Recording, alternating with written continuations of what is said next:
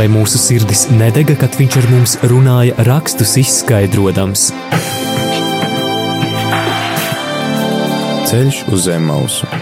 Lauzīsim kopā Dieva vārda maizi, iedziļinoties dažādos bibliskos tematos.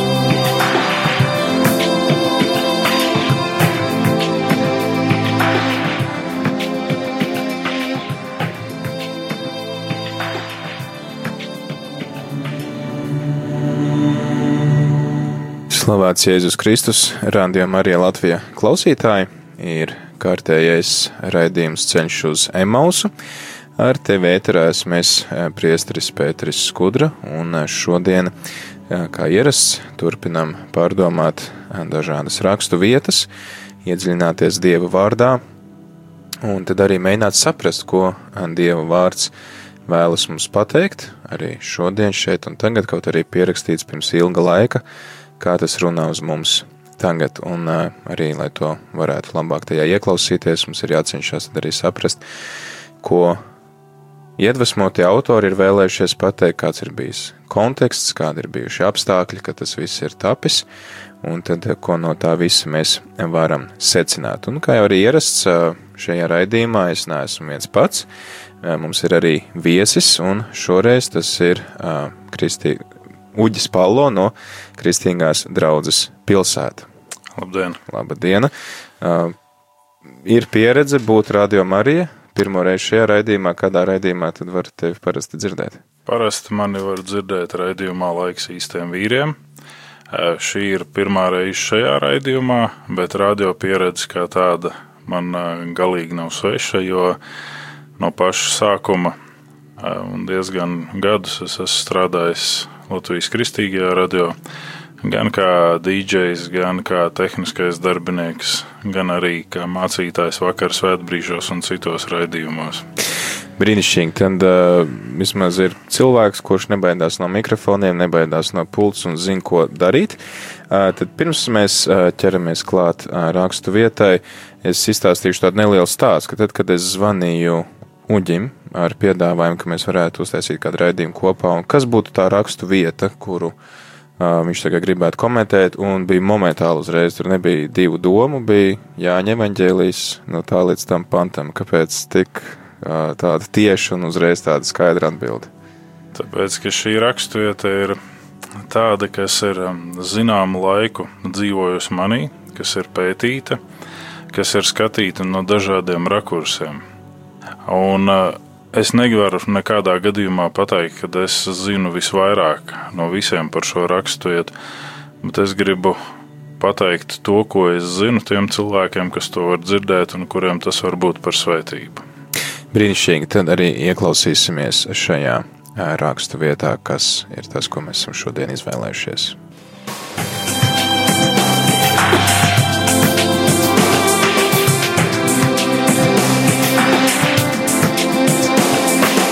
Ceļš uz zem mausu katru ceturtdienu, pulkstens 17.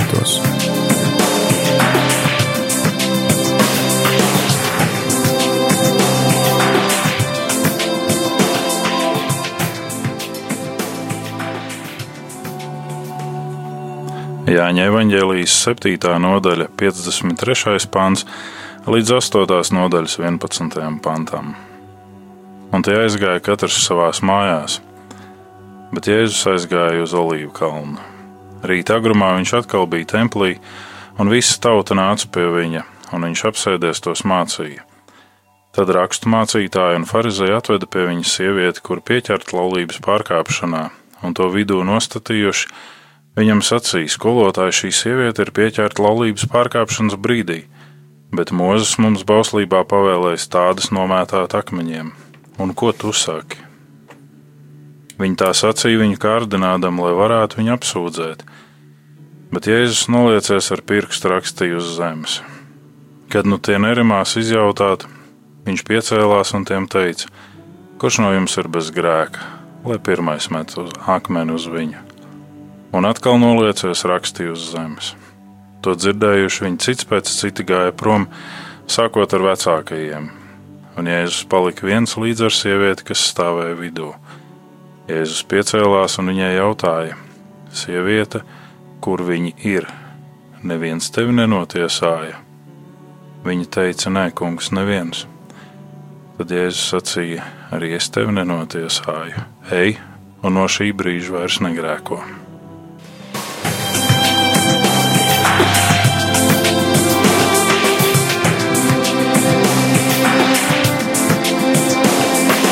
Ceļš uz zem mausu katru ceturtdienu, pulkstens 17.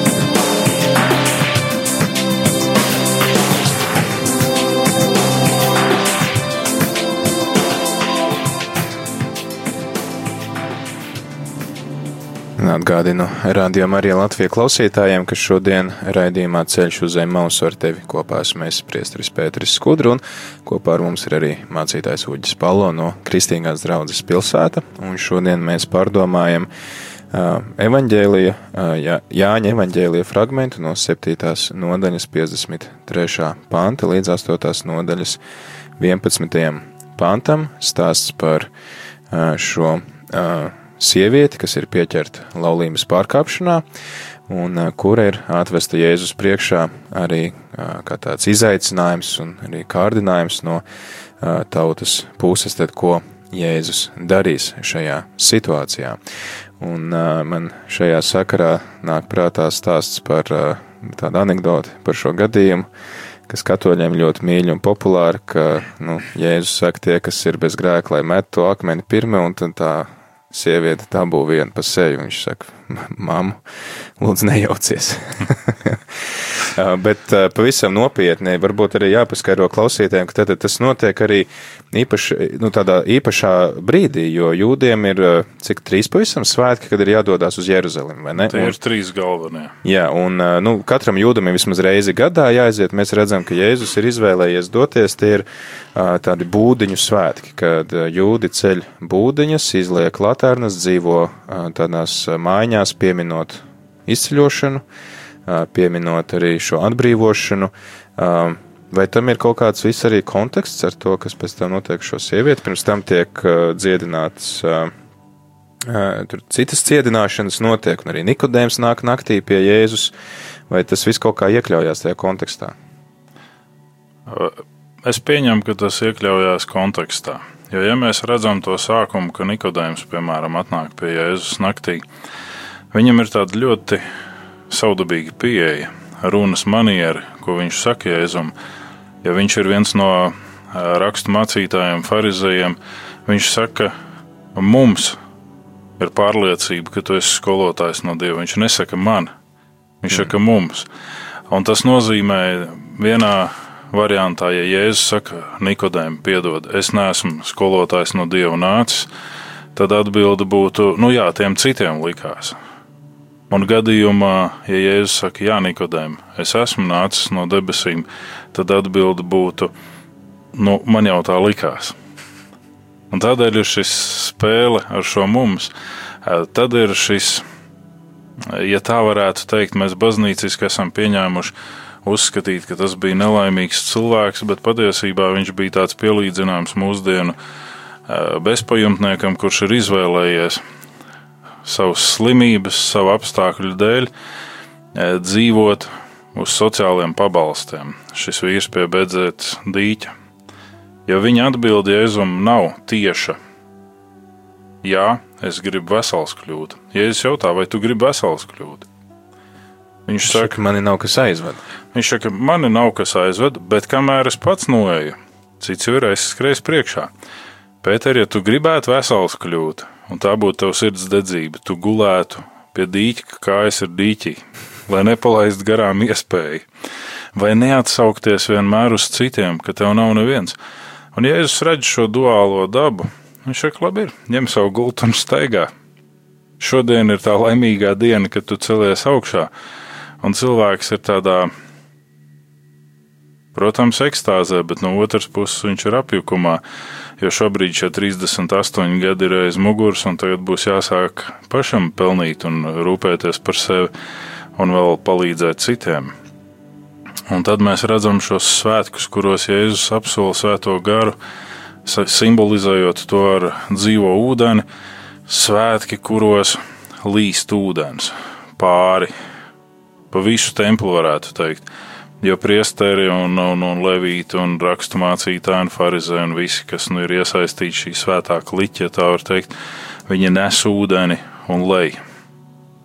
Un Jēzus saka, kas dzers dzīvo ūdeni, ko es tam došu. Ja tu atzīsti, ka tev vajag, tu nāksi pie manis, un es tev došu dzīvo ūdeni, no tevis plūdīs dzīvo ūdens straumi. Un tad mēs redzam, ka Septītajā nodaļā beidzās šie svētki. Tur ir aklā vīra dziedināšana bijusi, kurš ir piedzīvojis redzi, un Jēzus apsūdzētāji dusmīgi, nikni aiziet mājās, jo viņi nevar apsūdzēt Jēzu. Šie ir svētki, kuros dziedināšana nedrīkstēja notikt, jo Jēzus ir nevis tikai dziedinājis, bet viņš ir veidojis svaidāmo, jeb tādu ziedi, no putekļiem un savām siekalām, ko ir licis uz tā aklā vīra acīm. Un tas ir tas milzīgais pārkāpums, kas nu ir noticis. Un beig beigās arī šis vīrs apliecina, ka Jēzus ir patiesa Dieva dēls. Viņš saka, es nezinu, grēcinieks, nav grēcinieks, bet man viņš darīja redzīgu. Un ir apsūdzības iemesls, Jēzu vajag iznīcināt. Un tādēļ Tavs jautājums bija, kādēļ mēs sākam ar 53. pantu iepriekšējā nodaļā, jo ar to šis stāsts tā kā viens noslēdzās un sākās nākamais, jo tie aizgāja katrs savās mājās. Viņiem bija mājas, bet šajā situācijā Jēzus aiziet uz Eļas kalnu, jeb uz Olīvu kalnu. Tas ir netālu no tempļa. Nu, Tie ir apmēram 3,5 km no Jā. tempļa, un tas ir maķenīta augstāks kalns kā Tempļa kalns, jeb Ciānas kalns. Tie ir 800 metru virs jūras līmeņa. Un no Eļas kalna, jeb Olīvu kalna, tās ir tās vietas, no kurienes Jēzus ienāca Jeruzalemē savā pasīs nedēļā.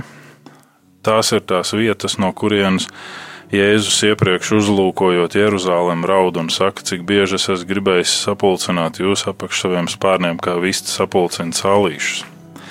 Bet jūs to negribējāt. Un lūk, ir atkal vēl viens notikums.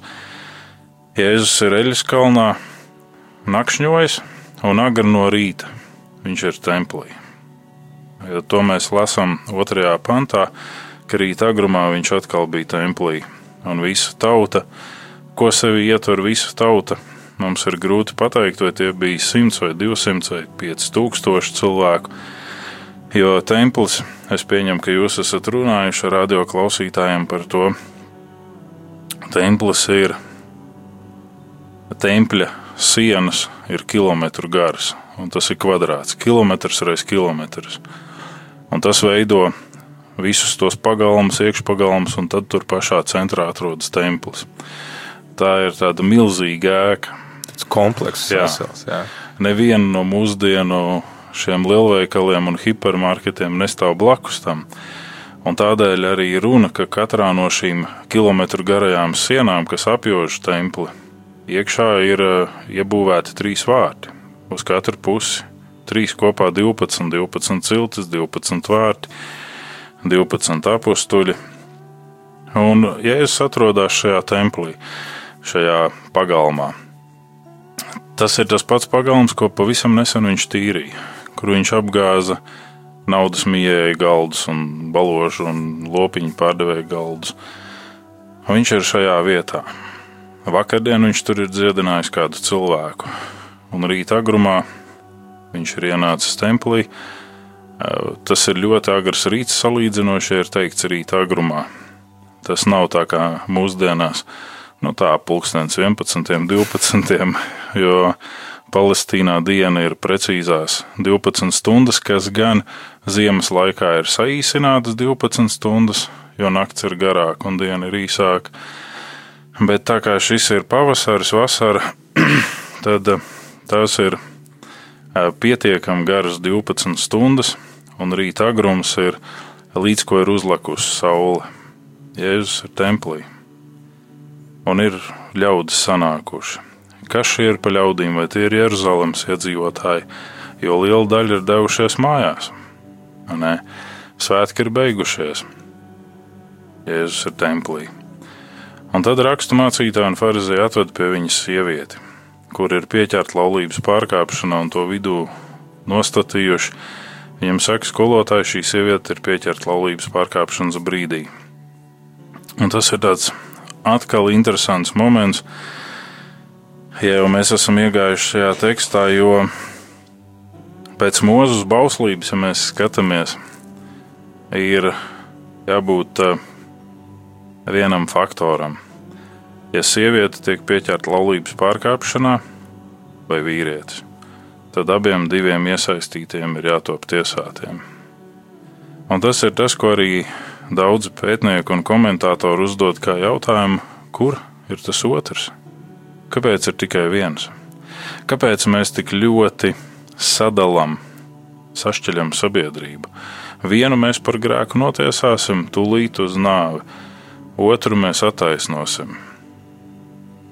Jā, man radās tas jautājums, jo es uh, tagad, uh, gatavoties šim raidījumam, uh, biju aizmirsis par to, bet uh, tagad, kamēr tas stāst, es atcerējos, ka tieši vecā derībā es biju mūsu likumā, es nepateikšu, kurš, kurš pāns tas bija, uh, bet tur bija teikts, ka abiem diviem ir jānomētāšana ar akmeņiem. Uh, un te ir tā savādi, kā atved tomēr tikai vienu no vainīgajiem. Uh, jā. jo laulība pārkāpj no divi. uh, nu tā, tā vajadzētu normāli būt. Jā. Ne? Pēc visa skatoties un pētot šo tekstu, tas tiek inscenēts, bet pie tā mēs atgriezīsimies vēlāk. Mazliet. Kāpēc tas tiek inscenēts un kāpēc tas notiek agrā rītā? Bet nav tā otra. Un tas ir pirmais jautājums, ko lasot šo tekstu, mēs varam jautāt. Tā tad ir tas pats moments, ko Jēzus savā laikā Pēterim jautā, no kā muitinieki ievāc muitu no svešiniekiem vai no savējiem? No svešiniekiem. Nē. Tā tad savējie ir atbrīvoti, savējiem ir vieglāks sloks.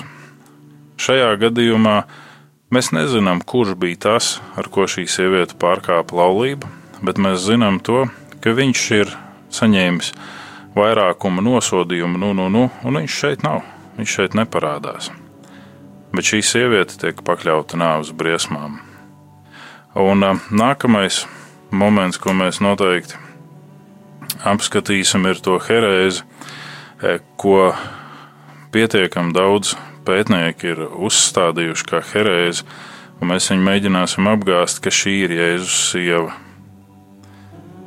Jo pēc bauslības vai nu tēvam, vai nu vīram bija pirmajam akmenis jāmet uz grēcinieci.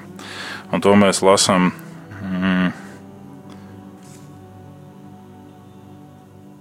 to mēs lasām arī mūža bauslībā, ka, ja kāda sieviete tiek pieķerta laulības pārkāpšanā, tad viņa tiek atvesta pie tēva nama vai pie vīra nama, un viņa tur tiek nomētāta ar akmeņiem, lai novērstu jebkāda veida nešķīstību tautā.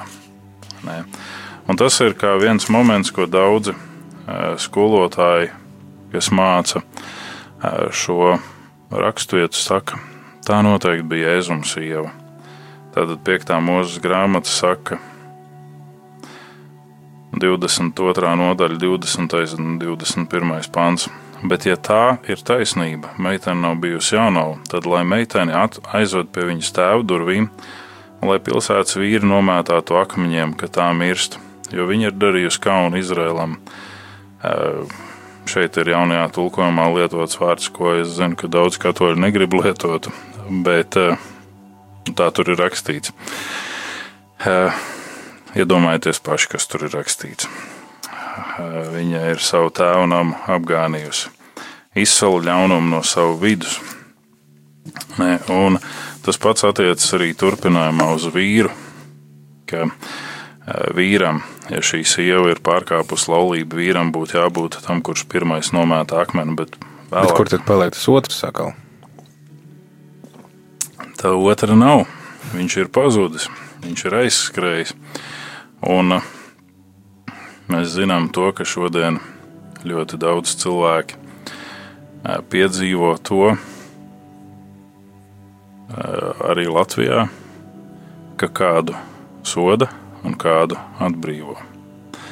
Un cilvēkos radās šī spriedze, šī agresija, kāpēc, kāpēc ir tādi duāli standarti, kāpēc mums nevar būt viens standarts visiem. Un darba vietās mēs ar to sastopamies ikdienā, un varbūt tieši tādēļ šī raksturvieta ir laba, jo nu pat mēs esam svinējuši mūsu zemes simtgadi, un mēs esam priecājušies un bijuši gan svecīšu vakarā, gan lāpu gājienā, gan piedzīvojuši fantastisku uguņošanu, bet uh, rūkums paliek. Tu stāstīji šo joku par uh, akmeni, kurš lidoja. Bija kādas divas ģimenes, kas ļoti draudzējās un bieži ciemojās viena pie otras.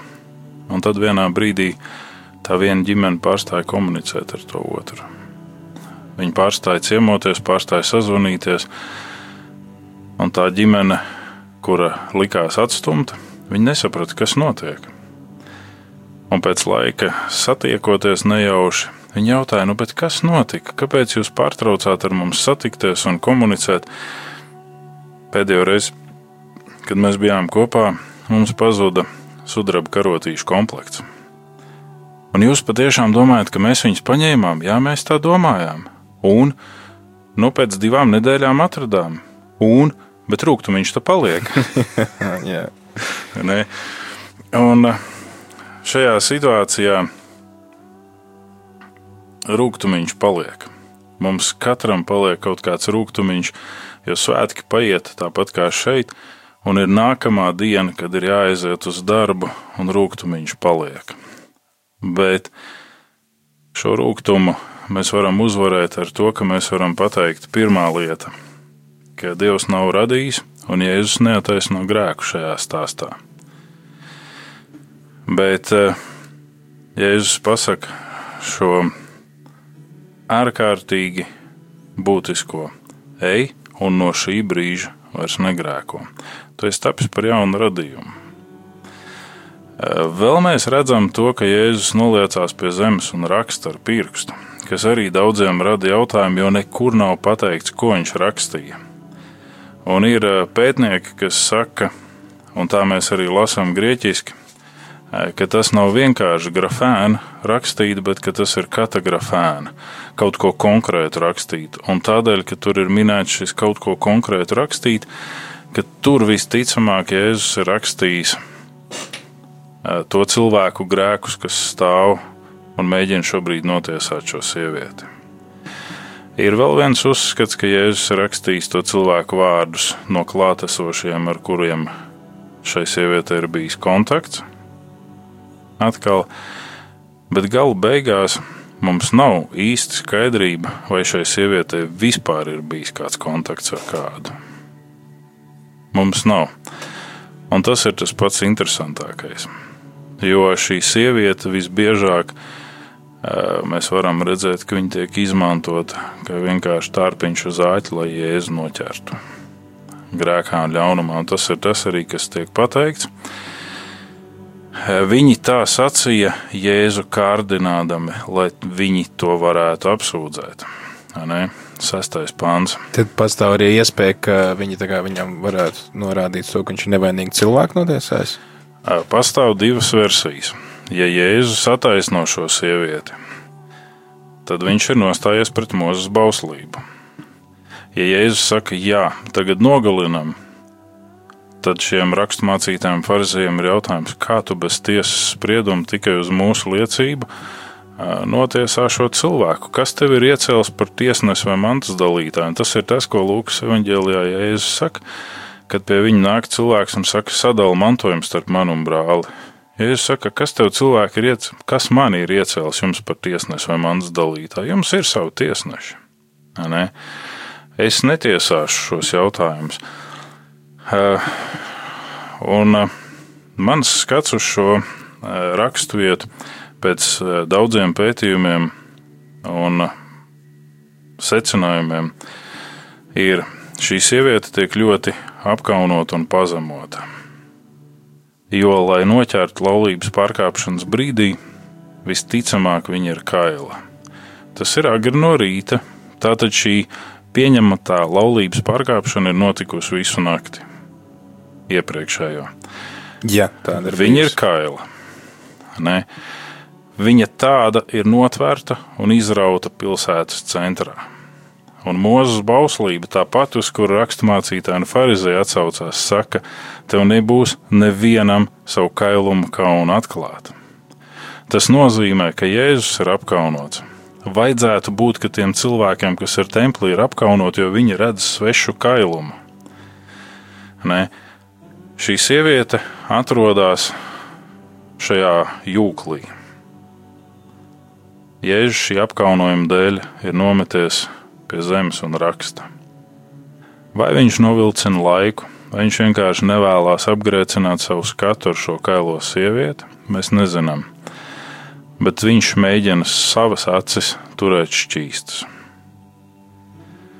Un tad ir šie raksturmācītāji un farizēji, kas grieķu valodā lasot šo raksturvietu atgādina to pašu raksturvietu, kas ir 1. korintiešu 13, kā zvanošs zvārgulis, jeb varš šķindošs, bez mīlestības, kas džingst visu laiku apkārt. Un apustulis Pāvils saka, ja es runātu eņģeļu un cilvēku mēlēm, bet man nebūtu mīlestības, es būtu vienkārši zvanošs zvārgulis. Un tas pats vārds, zvanošais zvārgulis, ir tas, kad nu tie nemitās nu, izjautāt viņu. Kad nu tie nerimās, kad nu tie neapstājās, turpināja Jēzu, nu kas notiek, aiziet, rīkojies. Ir vārds, kas tiek izmantots kā zvārgulis, kā šis zvaniņš, jo viņos nav mīlestība. Un tā tad jau atgriežoties pie sestā panta, mana pārliecība saka, ka šī sieviete bija uzpirkta, tāpat kā vēlāk Jūda izkarjots, ka viņai bija samaksāts, lai viņa notēlo netikli. Un tādēļ viņa kaila tika izrauta šajā pilsētas centrā. Samaksāts, piedraudēts, mēs nezinām tās detaļas, eh, bet viņa nebija eh, patiesa laulības pārkāpēja. Jā, tad atgādinu klausītājiem, ka šodien ra raidījumā ceļš uz Emausu ar jums ētrās mēs priesteris Pēteris Skudru un kopā ar mums arī šeit ir uh, Kristīgās draudzes pilsēta mācītājs Uņģis Palo un mēs sarunājamies par uh, rakstu vietu, kurā varam atrast Jāņa evaņģēlija uh, no 7. nodaļas 53. panta līdz 8. nodaļas 11. pantam par uh, laulībā pieķerto sievieti. Nu, pat arī dzirdējām tad uh, ka mūzes likums paredzēja to, ka, ja kāds ir laulībā pieķerts, tad tiek uh, tiesāti abi. Vismaz tam tā vajadzētu būt. Un, uh, Tad arī um, nu, mums arī pastāv iespēja domāt, ka uh, šī sieviete arī varēja nemaz nebūt pārkāpusi laulību, un uh, tas ir vienkārši kā tāds kārtējs tests Jēzum. Uh, es domāju, ka laiks dziesmai jāuztais neliels pārtraukums, un tad turpināsim iedziļināties šajā rakstu vietā, kas arī, nu, kas ir tas, ko Dieva vārds mums vēlas šodien pateikt ar šo notikumu. Un kā nākamo dziesmu, tad mēs atskaņojam, kuru mums ir vesels divs šodien iespējams. Šis templis. Šis templis. Jā, tad kā reiz arī darbība notiek templī, un arī mēs paši esam aicināti būt par templi, par dieva templi, tad arī klausamies šo dziesmu.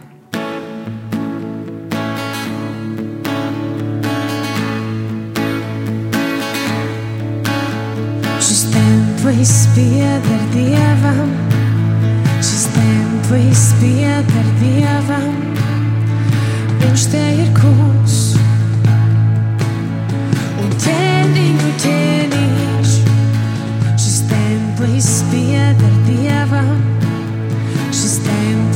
pieder dievam.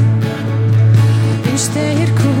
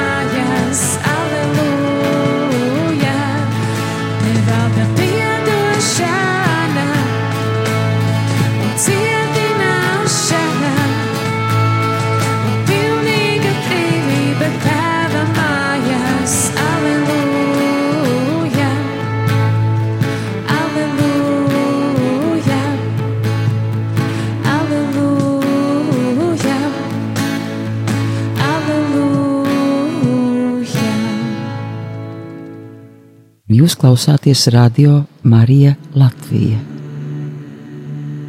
Radio Marija Latvija ēterā turpinam ar raidījumu Ceļš uz Emausu. Kopā ar tevi esmu es priesteris Pēteris Skudra un arī Kristīgās draudzes pilsēta mācītājs Uņģis Palo. Un šodien sarunājamies par uh, it kā laulībā pieķerto sievieti, uh, kuru tad arī uh, farizēji un rakstu zinātāji aicina notiesāt vai nu, izteikt kaut kādu savu vērtējumu. Tad tiem, kuri esat tikko ieslēguši radioaparātus, jums par rokā ir bībele vai, vai telefons, kurā var atvērt kādu bībeles aplikāciju, tad jūs varat atvērt Jāņa evaņģēlija 7. nodaļas 53. pantu un pēc tam 8. nodaļas 1. līdz tad arī 11. pantu, kas runā par šo notikumu. Tad, esam pārunājuši gan kontekstu, kādā tas notiek, to, ka tas notiek pēc lieliem svētkiem, kas jūdiem bija ārkārtīgi svarīgi svētki. Visa, visa Izraela tauta sapulcējās Jeruzalemē. Nu, līdzīgi apmēram kā tagad visa Latvija pulcējās Rīgā, puse, puse iedzīvotāji tāds apmēram bija tas pieplūdums, un, un svētki ir beigušies, bet Jēzus vienalga dodās uz templi arī nākamajā dienā un tur māca cilvēkus. Un, uh, šīs mācīšanas laikā, tad pie viņa tiek atvesta šī sieviete, kuru, kā arī mēs noskaidrojam, iespējams bija vai nu piespiesta vai uzpirkta, teikt, ka, nu, vai, teiksim tā, tēlot šo te laulībā pieķerto sievieti, kas bet varbūt arī nemaz tā nav bijis, ka vienkārši viņa ir nu, bijusi kā tāda esma, lai Jēzu pieķertu, ko arī mums atklāja Dieva vārds. Mans jautājums, Uģi, tev, mēs lasam šo rakstu vietu, mēs esam diezgan, nu, tur noteikti varētu vēl iedziļināties kontekstā un, un, un, un skaidrot un saprast, kas tur ir pateikts, kas nav pateikts un, un ko tā laika cilvēks ir sapratis, kas, kas lasījis šo, šo evaņģēlīju pirmo reizi. Kas ir tas, ko, ko, ko mums vajadzētu šodien paņemt? Kas ir, teiksim, tā, nezinu, mācība vai, vai, vai tas, jā, ko mēs varam mācīties latvieši 21. gadsimtā, kas ir tālu prom no Izraēlas gan laikā, gan telpā? Viens no būtiskajiem, ko mēs varam un mums vajag paņemt, ir noteikti tas, lai mēs kādu apsūdzētu, mums vajag ļoti, ļoti pamatots argumentus. Un tad, ja mēs patiešām gribam viņu apsūdzēt šo cilvēku, tad mums vajag izpildīt tā, kā tas prasās likumā, nevis tā kā pēc mūsu emocijām. Jo tad, ja mēs šodien skatāmies uz šodienas sabiedrību, kur ir diezgan pierasta lieta šķirties, šķirt laulību, tad parasti atrodas argumenti, kuru dēļ mēs sakām, tas cilvēks ir vainīgs un es ar viņu vairs negribu kopā dzīvot mēs sākam nomētāt ar akmeņiem. Jēzus māca un vēlāk arī apstuļi saka, ka laulība ir no Dieva dota uz mūžu. Ka Dievs iesākumā, jo tad, kad farizēji un raksturmācītāji kārdinot saka, vai var šķirties, ja jūs sakat, jūs cietsirdības dēļ tas ir atļauts. Un mēs šodien atrodam arī zināmus veidus, kā apiet šo cietsirdības momentu un pierādīt, ka šī laulība nav spēkā, un tādēļ mēs drīkstam šķirties. Un Jēzus, kā otrajā pantā mēs lasām, viņš pēc rakstu mācītāja principa veids vienu ļoti nozīmīgu žestu, caur kuru viņš grib parādīt, ka viņš darīs kaut ko ļoti, ļoti nozīmīgu. Un šis žests ir apsēdies. Jo rakstu mācītāji viņu vēlējās pateikt kaut ko īpaši nozīmīgu, viņi apsēdās. Un tad viņi skolēni saprata, ka tas ir kaut kas nozīmīgs.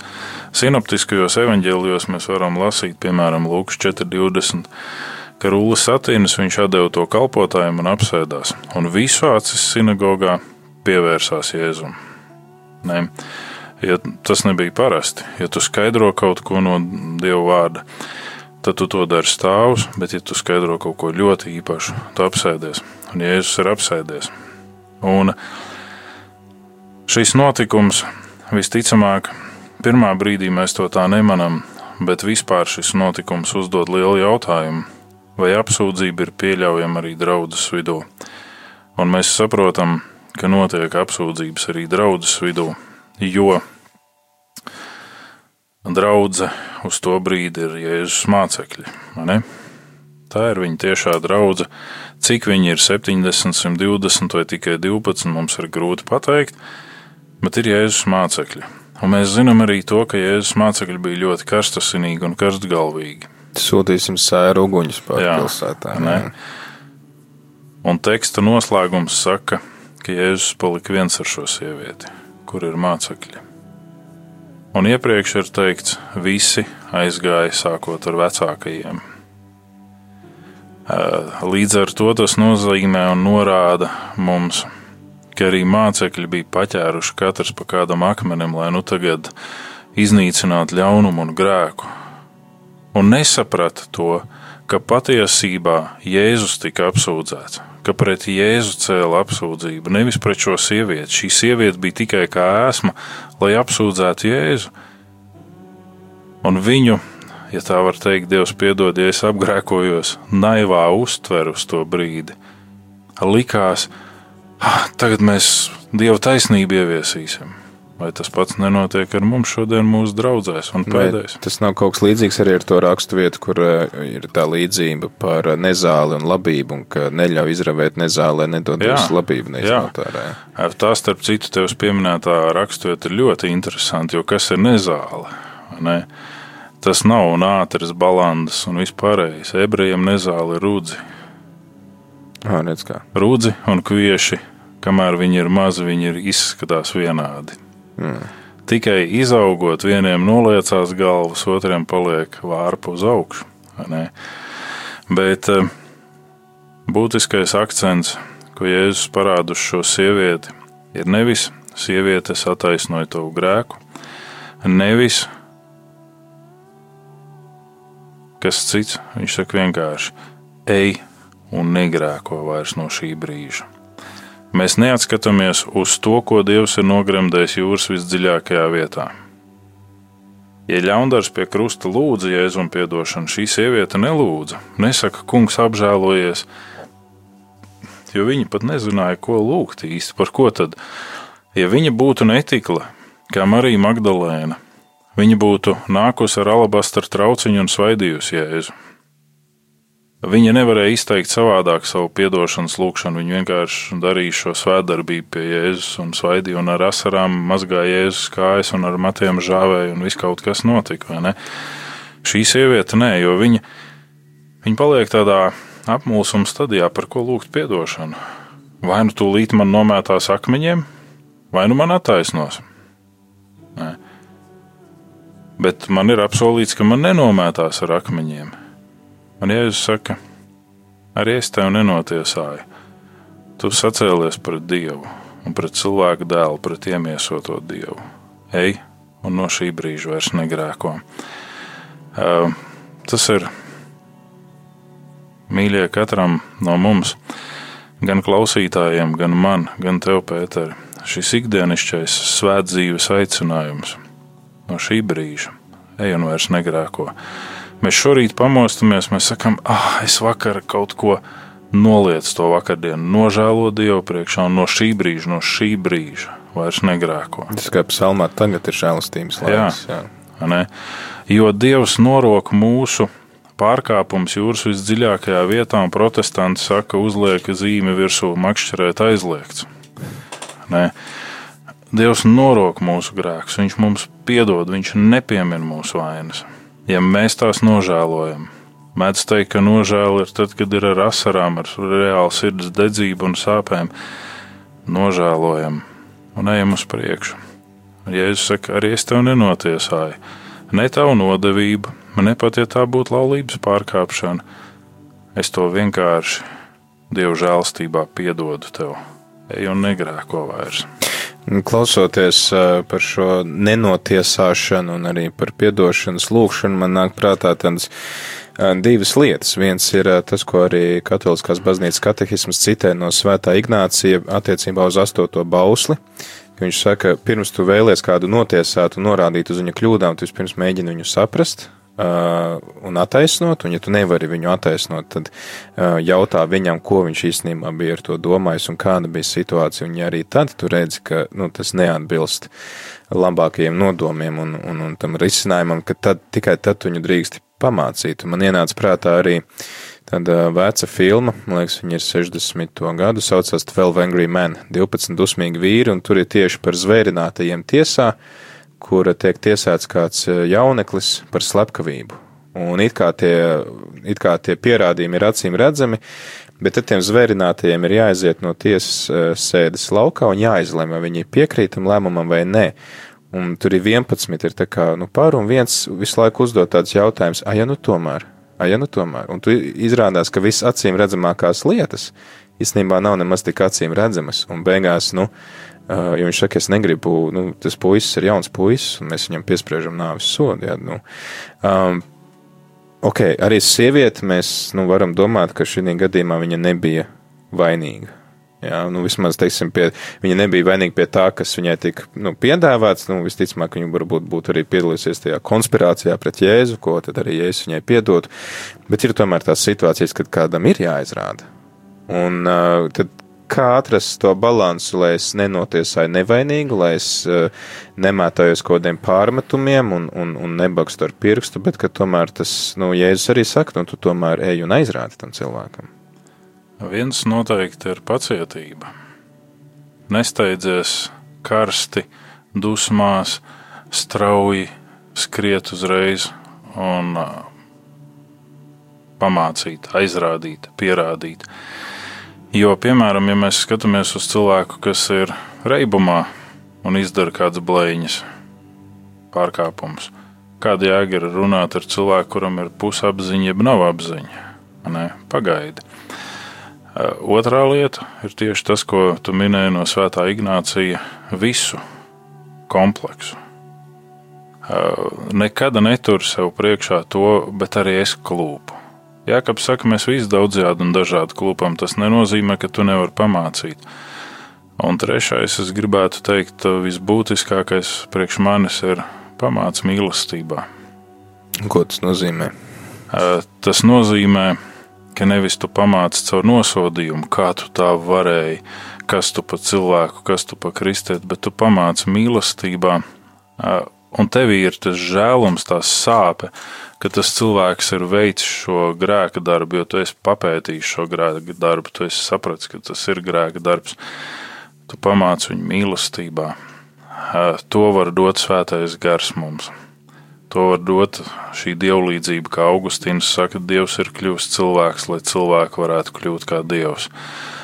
Tas ir tas, ko es esmu piedzīvojis kā mazs puika esot baznīcā, kur kāds mācītājs, sens, šobrīd viņš jau ir kunga priekšā, vienmēr teica, katrā savā lūkšanā, kungs dod mums golgātas sirdis, mm. lai mēs varam tā mīlēt, kā tu mīli, un nevis redzēt tikai to grēku, ko Dievs tāpat iznīcinās, bet redzēt to grēcinieku, kurš kaut kāda apsvēruma dēļ ir pastrādājis šo grēku. Jo tad, kad mēs pastrādājam grēku, Mēs sevi tiesājam pēc žēlastības. Kad cits pastrādā, mēs tiesājam pēc likuma. Jā, tas ir tas, ko apustulis Pāvils saka. Mēs saņēmām dieva žēlsirdību nepelnīt, jo visi bija grēkojuši. Neviens to nebija nopelnījis. Tas nozīmē, ka arī uh, mēs esam aicināti tad, uh, nu, teiksim, tā, jā, nosodīt grēku, nepazudinot uh, cilvēku, jo joprojām arī tas grē, vislielākais grēcinieks, viņš joprojām nes sevī to dievu attēlu un līdzību, Tieši to tā. cieņu, uh, kuru arī Dievs turpina uzlūkot ar lielu mīlestību. Un uh, man nāk prātā arī uh, mans kolēģis Rihards te vienu rītu, kad mums bija visu svēto dienu, viņš citēja svēto Antoniju, kurš ir savā laikā sacījis, ka, ja tu steidzies kādu sodīt, tad tu īstenībā sodi nevis tā viņa grēka padarītā grēka dēļ, bet tu to dari savu emociju dēļ un lai apmierinātu savu kaut kādu egoismu. Un tāpēc viņš piedāvā labāk arī iet no šo dieva ceļu, kurš tāpat ir reizē tiesnesis, bet reizē arī žēlsirdīgs tēvs un atstāt galu galā to tiesu arī dieva ziņā. Jā, un uh, Bībelē tas pats Jēzus paredz, ka tu pamāci, bet tad tu ņem vēl kādu līdzi. Lai tad cita liecinieka priekšā, kurš var pateikt, bet uģi, kā ir ar tevi? Nevis attaisnojot grēku, bet apžēlojot grēcinieku, ja mēs nedrīkstam pazudināt grēcinieku. Jā, tad ar to mēs arī varētu noslēgt, atcerēties gan to, ka mēs paši saņemam Dieva piedošanu, ka mēs esam aicināti arī ar to dalīties, un galu galā mums cilvēkiem arī visas tās lietas ir vairāk redzamas tā neskaidri nekā, nu, katrā ziņā neskaidrāk nekā Dievam, un var gadīties, ka arī kādu notiesājot un ā, vērtējot man jā, izrādās, ka es esmu kļūdījies savu vērtējumu. Man tāds spilgts piemērs ir ā, pirms rādījuma, man bija iespēja padarboties draudzē, Un uh, tieši par šo nosodīšanu, neizprotot kontekstu, uh, bija daži jaunieši, nu, kas tur baznīcā kādreiz bija, kādreiz nebija, bet katrā ziņā nebija tāda ikdienas svētdienas gājēji. Un uh, es atceros, ka viena no šīm meitenēm, viņa vienreiz uzrādījās pirms skolas no rīta, agri no rīta ar savas māsas draugu, nu, kuram bija tāds grūtāks brīdis, un uh, viņa viņu bija atvedusi uz baznīcu. Es uh, atceros to tās savas iekšējās sajūtas, ka tā draudzene diezgan nu, pukojās uz tiem jauniešiem, ka redz, viņi nenāk katru svētdienu. Bet es tad arī nu, tajā brīdī sapratu to situāciju, ka viņa ir vienīgā kristiete savā ģimenē. Un ja visa tava ģimene, un vēl pie tam tu esi no ģimenes atkarīgs, tu esi tikko palicis pilngadīgs, tu vēl esi skolā, un ja visa tava ģimene pasaka, ka nē, šodien tu brauksi ar mums tur un tur, nu, tad kāda vēl baznīca? Nu, tad tev ir jābūt starp baznīcu un nu, ģimeni, nu, un tajā situācijā, ka tu esi atkarīgs, un es domāju, tik daudz tas nosodījums bija no draudzes, vai ne? Un beigās izrāda, un, un tomēr viņa tajā brīdī, kad kādam vajag to, viņa atnāk un aizved vēl citu. Es domāju, wow, nu, tad, tad tas, tā katra reize, kad šie jaunieši bija tajā baznīcā, es domāju, tā bija tāda nu, no viņu puses nu, uzupurēšanās, ka viņi saņem, nu, saņem tādu neizpratni no vistuvākajiem cilvēkiem. Ļoti bieži es pēdējā laikā citēju Pāvila jau minēto 1. korintiešu 13, 6.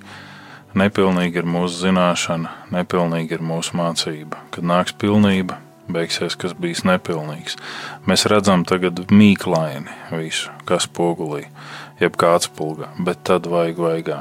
Par, par daudzām lietām. Mēs arī kā kristīgas draudzes un kopienas mākam norādīt, tie tur ir elku pielūdzēji, vai tie tur ir tādi, vai tie tur ir ļoti harizmātiski. Tā viss ir nepilnība. Mēs kompensējam savu nepilnību šeit. Mēs esam aicināti uz pilnību. Jā, Mēs esam aicināti uz pilnību, un tāpēc arī klausītāji aicinām tevi uz pilnību, un aicinām arī gan lūgt, nebaidīties, lūgt atdošanu Dievam un uh, darīt to, jo Viņš arī ir gatavs tev to dāvāt, un nebaidīties, un lūgt arī Dievam spēku un drosmi dāvāt atdošanu, un nenosodīt pirms laika, nenosodīt emocijās, un nenodarīt pāri kādam vienkārši tāpēc, ka mums likās, ka kāds kļūdās. Ar to tad arī noslēgsim. Paldies, Uģi! Eh, Ceru, ka šis, eh, šī nav mūsu pēdējā tikšanās šeit, eterā. Un eh, klausītāji, paldies arī tev par klausīšanos, paldies tev par iesaistīšanos Radio Marija ētera veidošanā un uzturēšanā, un paliekam tad arī kopā turpmāk.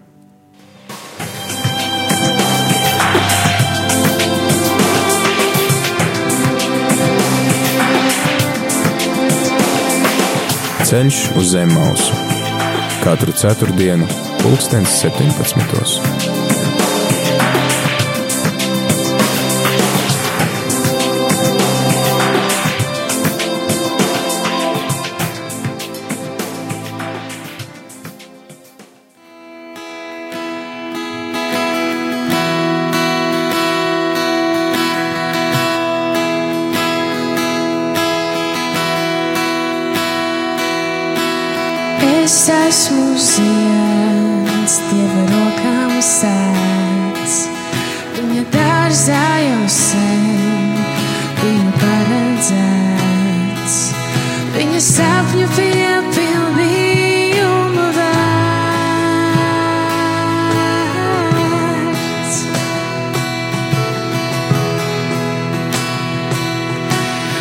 es esmu ziemas, dieva rokām sēts, viņa dārzā jau sēts.